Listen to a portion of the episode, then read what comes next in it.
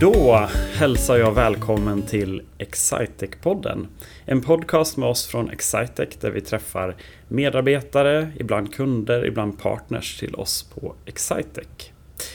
Jag heter Mats Stegeman och idag har jag med mig en kollega. En, eh, eh en, en person som, som arbetar på vårt Uppsala-kontor och som heter Joel Persson. Välkommen till Excitec-podden. Tack så mycket, kul att vara här. Ja. Hur känns det, och, hur, hur känns det här om man, om man börjar i den riktningen? Ja, men det känns ju kul. Jag lyssnar ganska mycket på poddar. Ja. Eh, har väl haft tankar på att det hade varit kul att starta igång något eget också. Ja. Eh, men det har inte blivit av än så länge. Så det är kul att ja men, prova på lite. Just det. Härligt. Och, eh, vi, vi gör ju så här ibland att vi träffar medarbetare och eh, Idag kommer vi ha ett lite, lite fokus kan vi säga mot, eh, mot ett eh, nästintill mytiskt område höll jag på att säga. Men, men eh, vi, vi, ska prata lite projektledning, eller hur? Precis.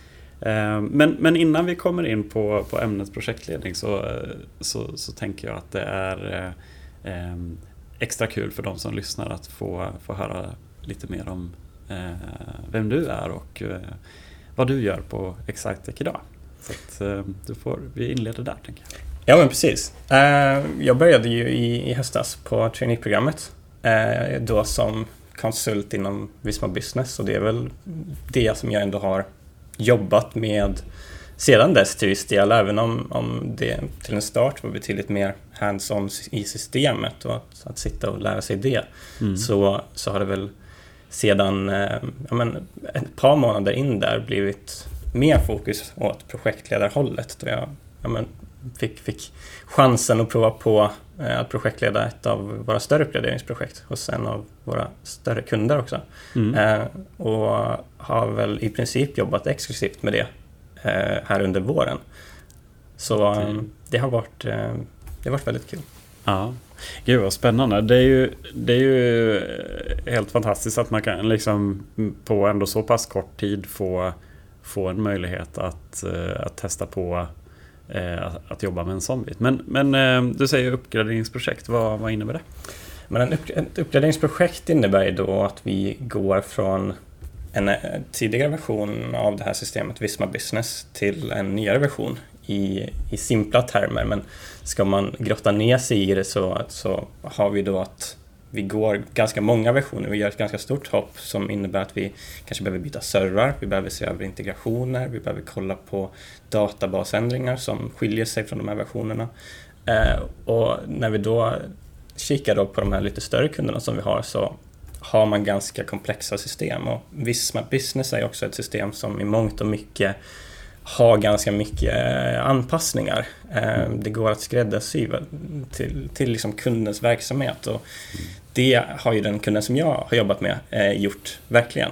Mm. Och det i sig ökar ju också komplexiteten i de här uppgraderingarna i den, i den mån att vi inte längre kan genomföra dem på ett lika standardiserat sätt. De liksom går inte att riktigt likna mot en tidigare uppgradering i samma mån.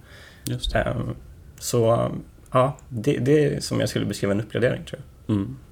Och, eh, och, och, din roll i det här projektet har varit att, eh, att arbeta med just eh, den, den sammanhållande projektledningen om jag har förstått? Ja men precis. Um, och vi har ju varit en, en konstellation av projektmedlemmar både från Excitec men också andra underleverantörer och konsulter och även till stor del den förvaltningsgrupp som finns hos kunden. Mm. Ehm, så det har liksom varit ett, ett ihopplock av, av människor man fått lära känna. Mm. Um, och man kan ju ofta tänka att ja, men, det är mycket lättare att jobba med de som faktiskt är i ens egen verksamhet och till viss del kan det stämma men, men man kan också bli lite så steril eller monoton i vad man faktiskt kan lära sig i, i, i den mån att mm. när man faktiskt utsätts för de här andra företagskulturerna eller andra idéerna som, som inte riktigt är skolade i samma sätt som ja, men vi är här internt, ja, men då får man väldigt mycket lärdomar också. Även om det såklart kan innebära vissa svårigheter också. Mm. Så det är väldigt lärorikt på så vis. Intressant. Om man, om man backar bandet, nu, nu kommer vi liksom, vi dök rakt in ja. på kanske det som vi, som, som vi har tänkt att prata om lite grann senare. Då. Men, men om man backar bandet lite grann. Eh, du sa liksom inledningsvis att du, du jobbade en del med konsultingen som är applikatorisk, att man gör de här ändringarna i systemen och, och sådär. Men, men att det, det föll sig kanske ganska naturligt att, eh, att börja titta lite grann på en, på en, eh, på en mer övergripande roll i, i projekt. Vad, vad, vad tror du att det är? Är det liksom är det ett intresse som du har haft under, under studietid och liknande? Eller är det, varför tror du att det gick så pass fort för dig att hamna i en sån typ av roll?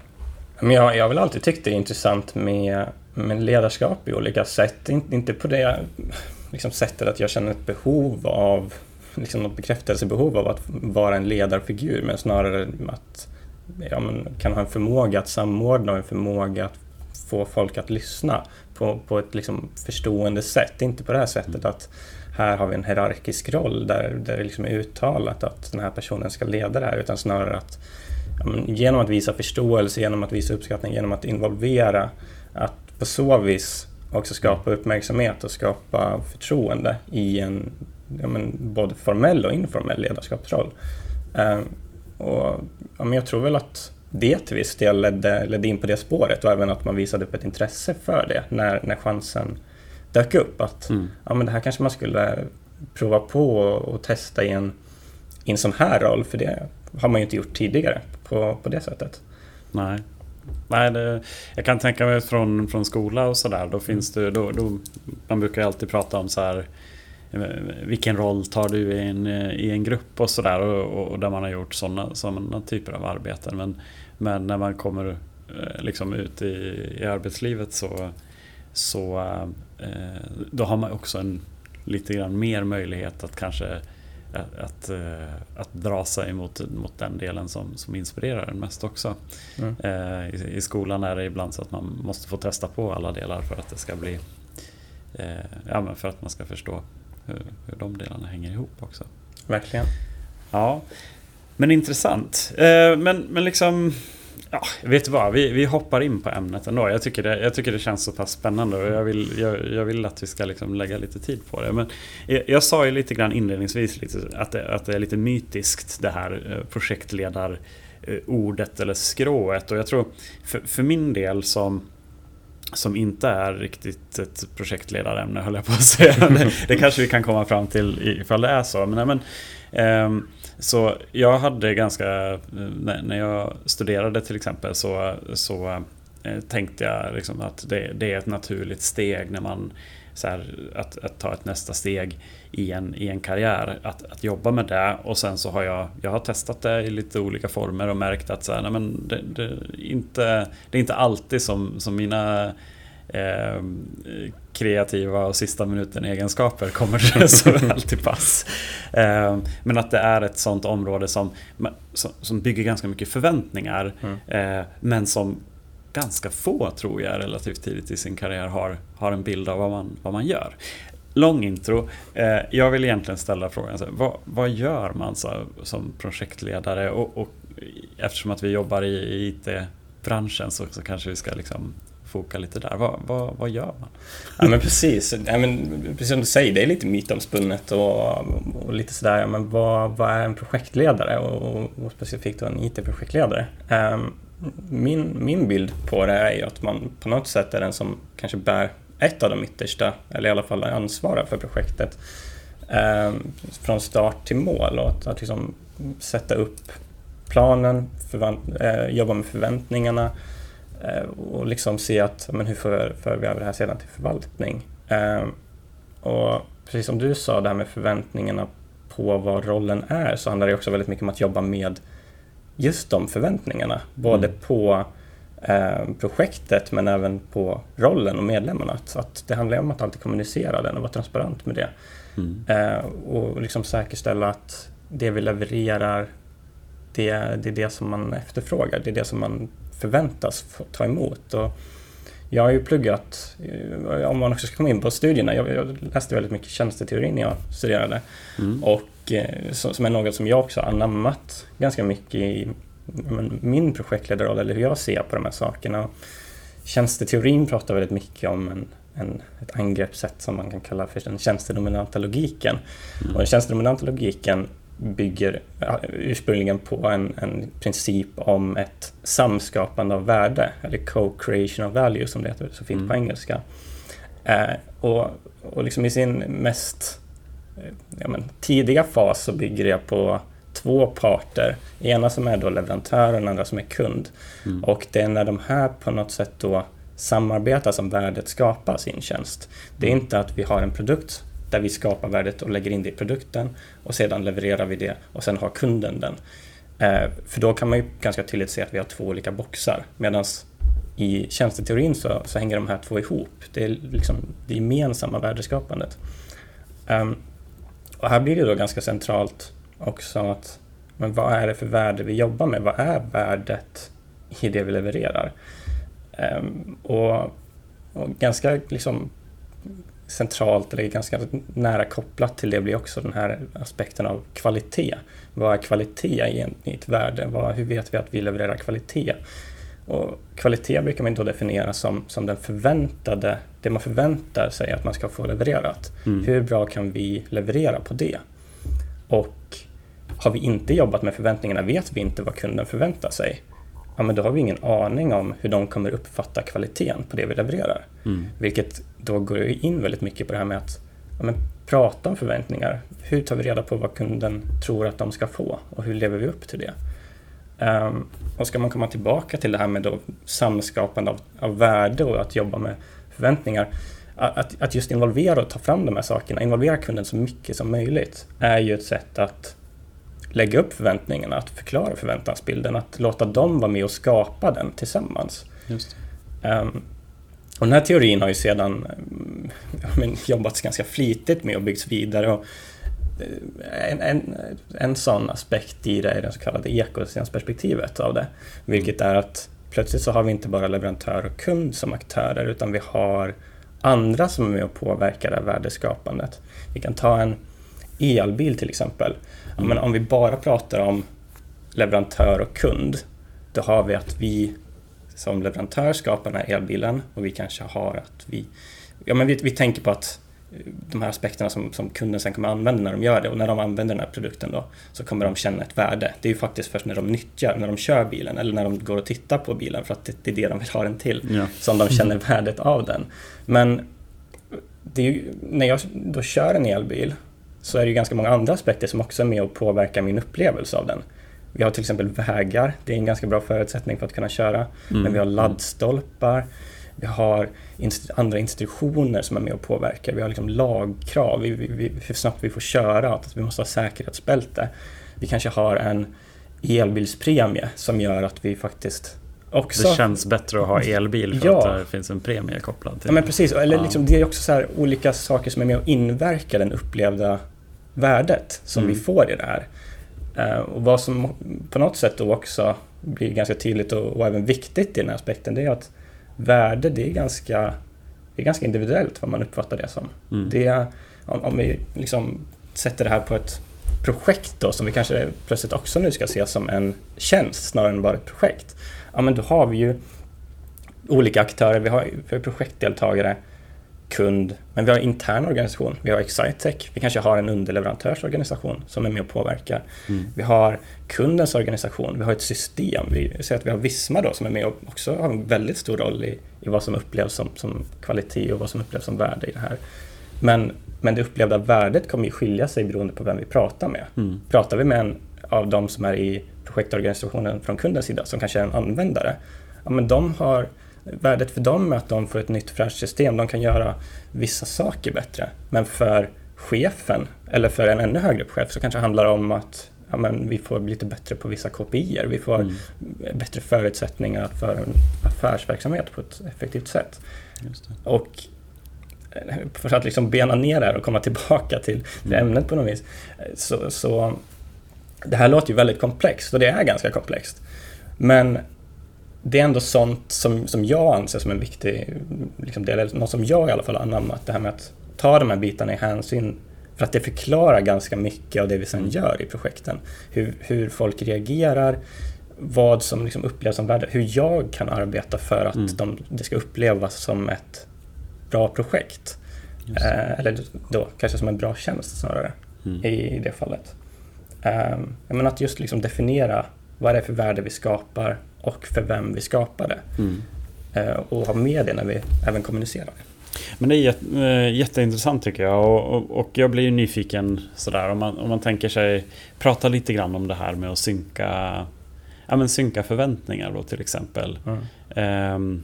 Eh, eh, låt oss säga att man jobbar i ett lite Eh, nu har vi jobbat i ett, i ett, lite större projekt. Hur många personer har varit involverade i ett... I, alltså, du behöver inte säga på personer, men liksom så här, vad, vad pratar vi för storleksordning? Hur många människor är det som måste göra kanske minst en aktiv uppgift för att, för att dra projektet framåt? Hur många... Ja, men om, vi, om vi pratar liksom direkt aktiva med projektmedlemmar som, som har varit med på, på det här större projektet då. Mm. Eh, men då kanske vi har varit 7 till 10 stycken, det beror lite på när i projektets gång. Yeah. Men ska vi prata alla som faktiskt har varit med och sett till att vi får det här i mål, då får vi kanske två eller tre dubblare som ja. faktiskt har liksom lagt ja, minst ett par timmar för att få det i mål. Ja. Eh, och det är ju det är ju väldigt många personer som ska samordnas och liksom förklara förväntningar eh, och, och, på något sätt också förklara vad det är som ska göras, vad är syftet med det här. Och, eh, där kan det också bli svårt om vi ska komma tillbaka till det här med att men vad är värdet för dem? Det blir lätt att man blir så här överrumplad av att mm. Åh oh gud, vad många, många, mycket värdeskapande där helt plötsligt. Hur ska mm. jag kunna ens ta allt det här i hänsyn? Men, men man kan liksom ganska snabbt upptäcka det och så länge man har det lite i bakhuvudet så är det ändå liksom indirekt med att mm. påverka ens sätt att agera, upplever jag det som. Intressant. Men, och, men liksom så här, gör vi, gör, vi ett gör vi en speciell workshop, det vill säga att nu är det dags att synka förväntningarna inför det här projektet. Vi ska veta när vi lyckas. Eller, eller hur, hur går det till i praktiken?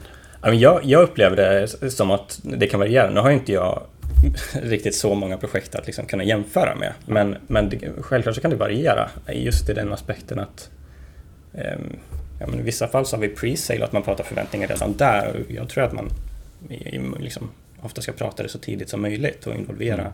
projektledare väldigt tidigt i processen för att på något sätt ha med det under projektets gång.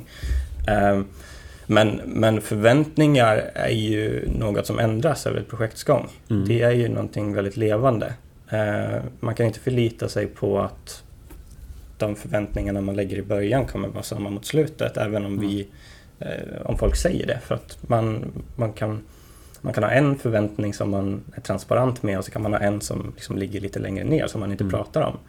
Um, och på något sätt så är det ju den, vi, vi behöver komma åt båda men, men mm.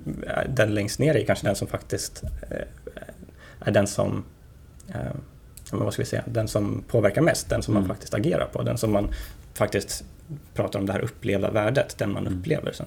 Mm. Intressant. Och, och liksom, det låter ju som att man behöver...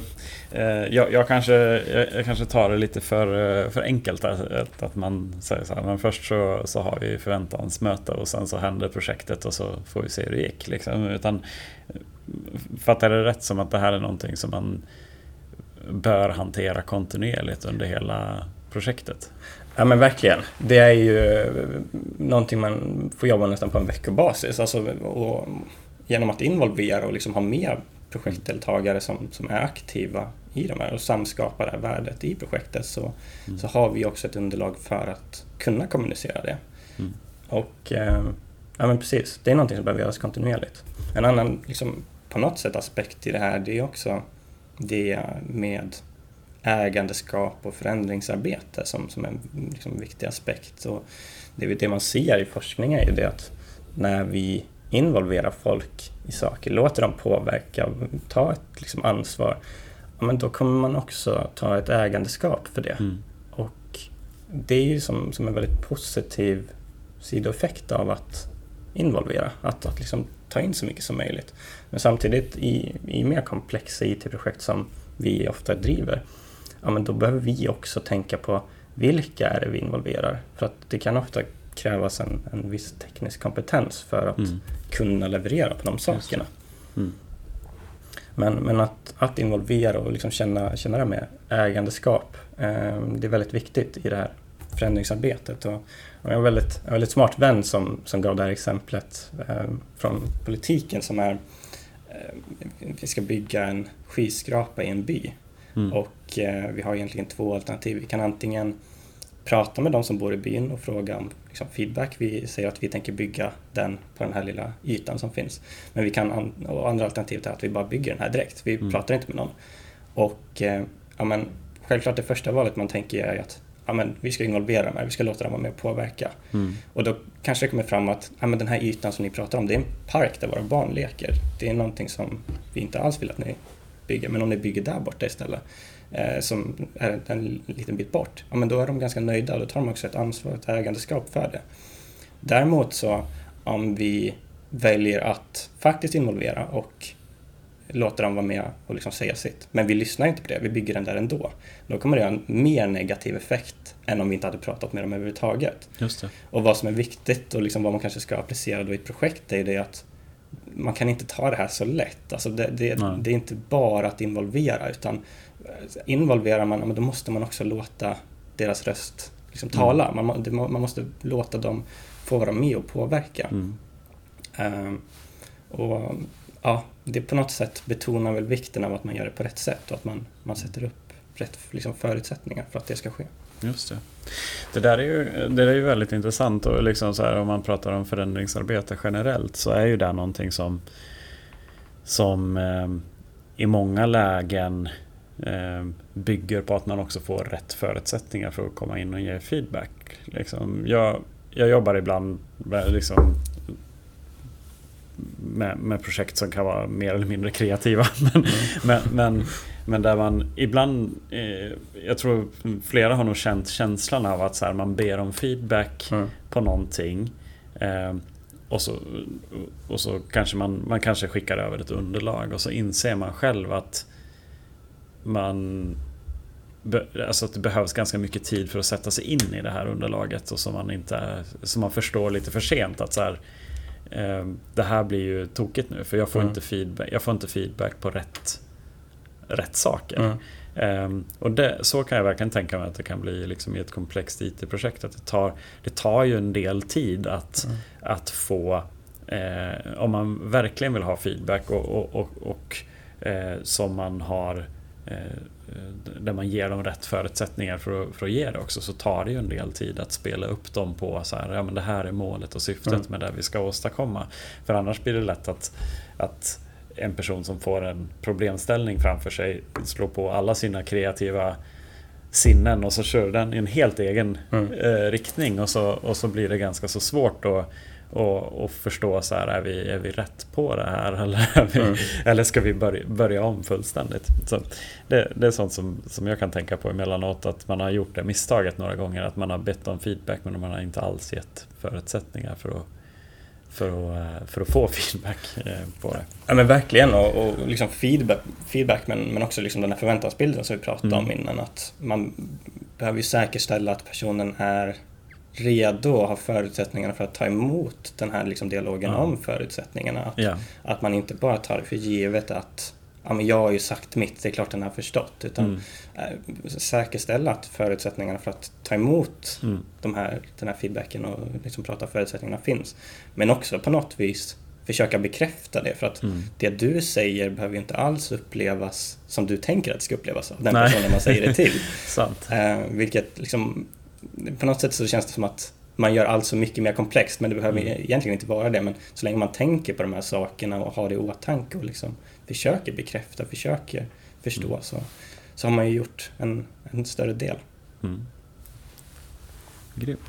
Om man, om man tänker sig nu då framåt, nu har du fått testat att göra ett, ett, ett liksom eh, ett, ett, relativt stort projekt för att vara vår, vår värld. Vi jobbar ju inte alltid med de med de, med de liksom största projekten utan, utan har, ju en, har ju ett fokus mot medelstora kunder i, i, i mångt och mycket. Men, men eh, är det, är det sådana projekt du vill fortsätta att göra eller är det liksom vad, vad är eh, eh, jag ska inte säga dröm, drömprojektet att ta sig an? vad, vad, hur ser det ut? Har du... Nej, men jag har väl inte riktigt hunnit blicka det. Du, du och jag har ju pratat ganska mycket om hållbarhet och mm. miljömässig hållbarhet och det är ju ett ett av mina största intressen att liksom prata om det och se vad, vad vi kan liksom ta fram på det området i form mm. av projekt eller tjänster, hur vi jobbar med de här aspekterna. Det är någonting jag, jag tror, eh, eller snarare jag vet att jag skulle vilja göra ja. någon gång framöver och men liksom kika på. Hitta, hitta sätt att få in det i vårt erbjudande också tänker jag. Absolut, ja. det, och det är en intressant aspekt för det, det kan man ju också prata om både direkt och indirekt. Vi kan, vi kan erbjuda någon form av hållbarhetskonsulttjänster men, men vi har också den här mm. aspekten av att när vi har projekt och vi sitter och samskapar värde och vi, liksom, vi, vi har kulturer som möts, olika arbetskulturer men också andra kulturer som möts, så delar vi med oss väldigt mycket av det rent mm. indirekt i hur vi agerar, hur vi jobbar och genom att liksom Excitec förbättrar liksom vårt sätt att jobba med hållbarhet och liksom den inverkan vi har så, så har man också en indirekt påverkan i de projekt vi gör. För man, man delar med sig, man kanske står vid kaffemaskinen på ett företag eller något och mm. man pratar om de här sakerna. Eh, och, och, just den här indirekta påverkan, den ska, den ska nog inte underskattas. Eh, även om det såklart kan göras mycket med en liksom mer direkt fokus också. Mm. Ja, det här är ett jätteintressant ämne tycker jag och det är ett ämne som vi som jag tror nästan att eh, i framtiden att vi kan göra ett helt eh, eget avsnitt eh, kring eh, att så, men att prata om eh, vi kommer ju från en, från en tid där IT-projekt eller liksom investeringar generellt har haft ett, eh, ett, ett, ett väldigt monetärt fokus. Mm.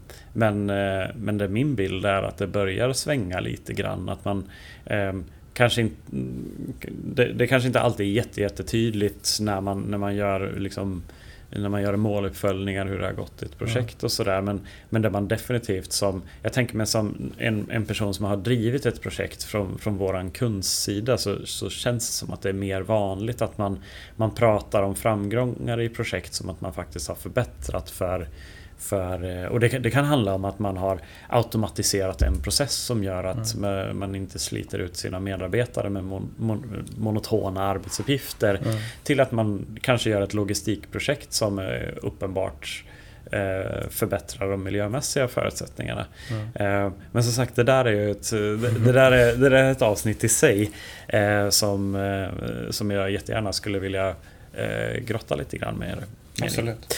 Ehm, men om man säger så här då. Du, det är ju det är ingen eh, så här att, att du kommer in på det här ämnet. Det, det förstår ju jag inte är en, en slump heller. Vi, vi har pratat om det du och jag eh, specifikt också. Men, men du är också...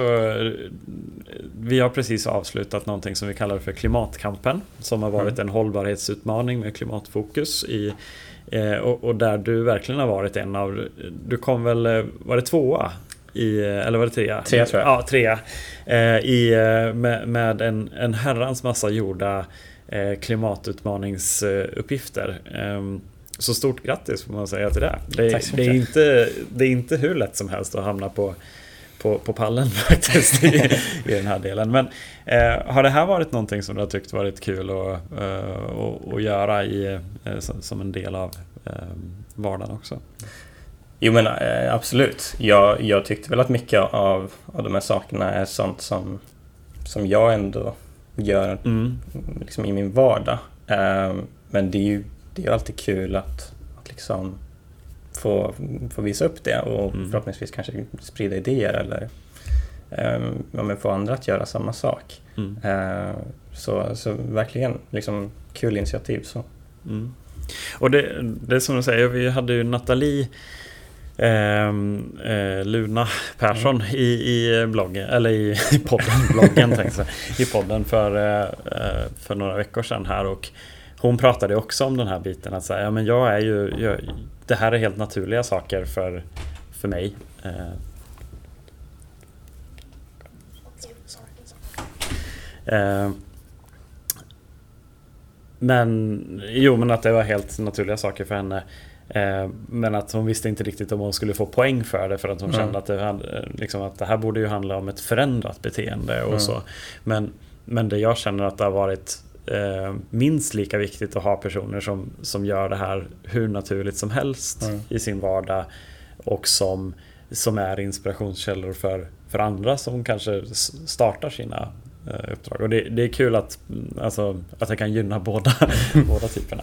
Ja men verkligen. Och sen så, ja, men, man, kan ju, man jobbar alltid med ständiga förbättringar. Det är klart att det mm. finns, ja, men, som, som hon sa, det här med att ja, men, få in de här aspekterna på de som, som redan gör de här sakerna, de som jobbar med det aktivt och se hur mm. man uppmuntrar, uppmuntrar till det.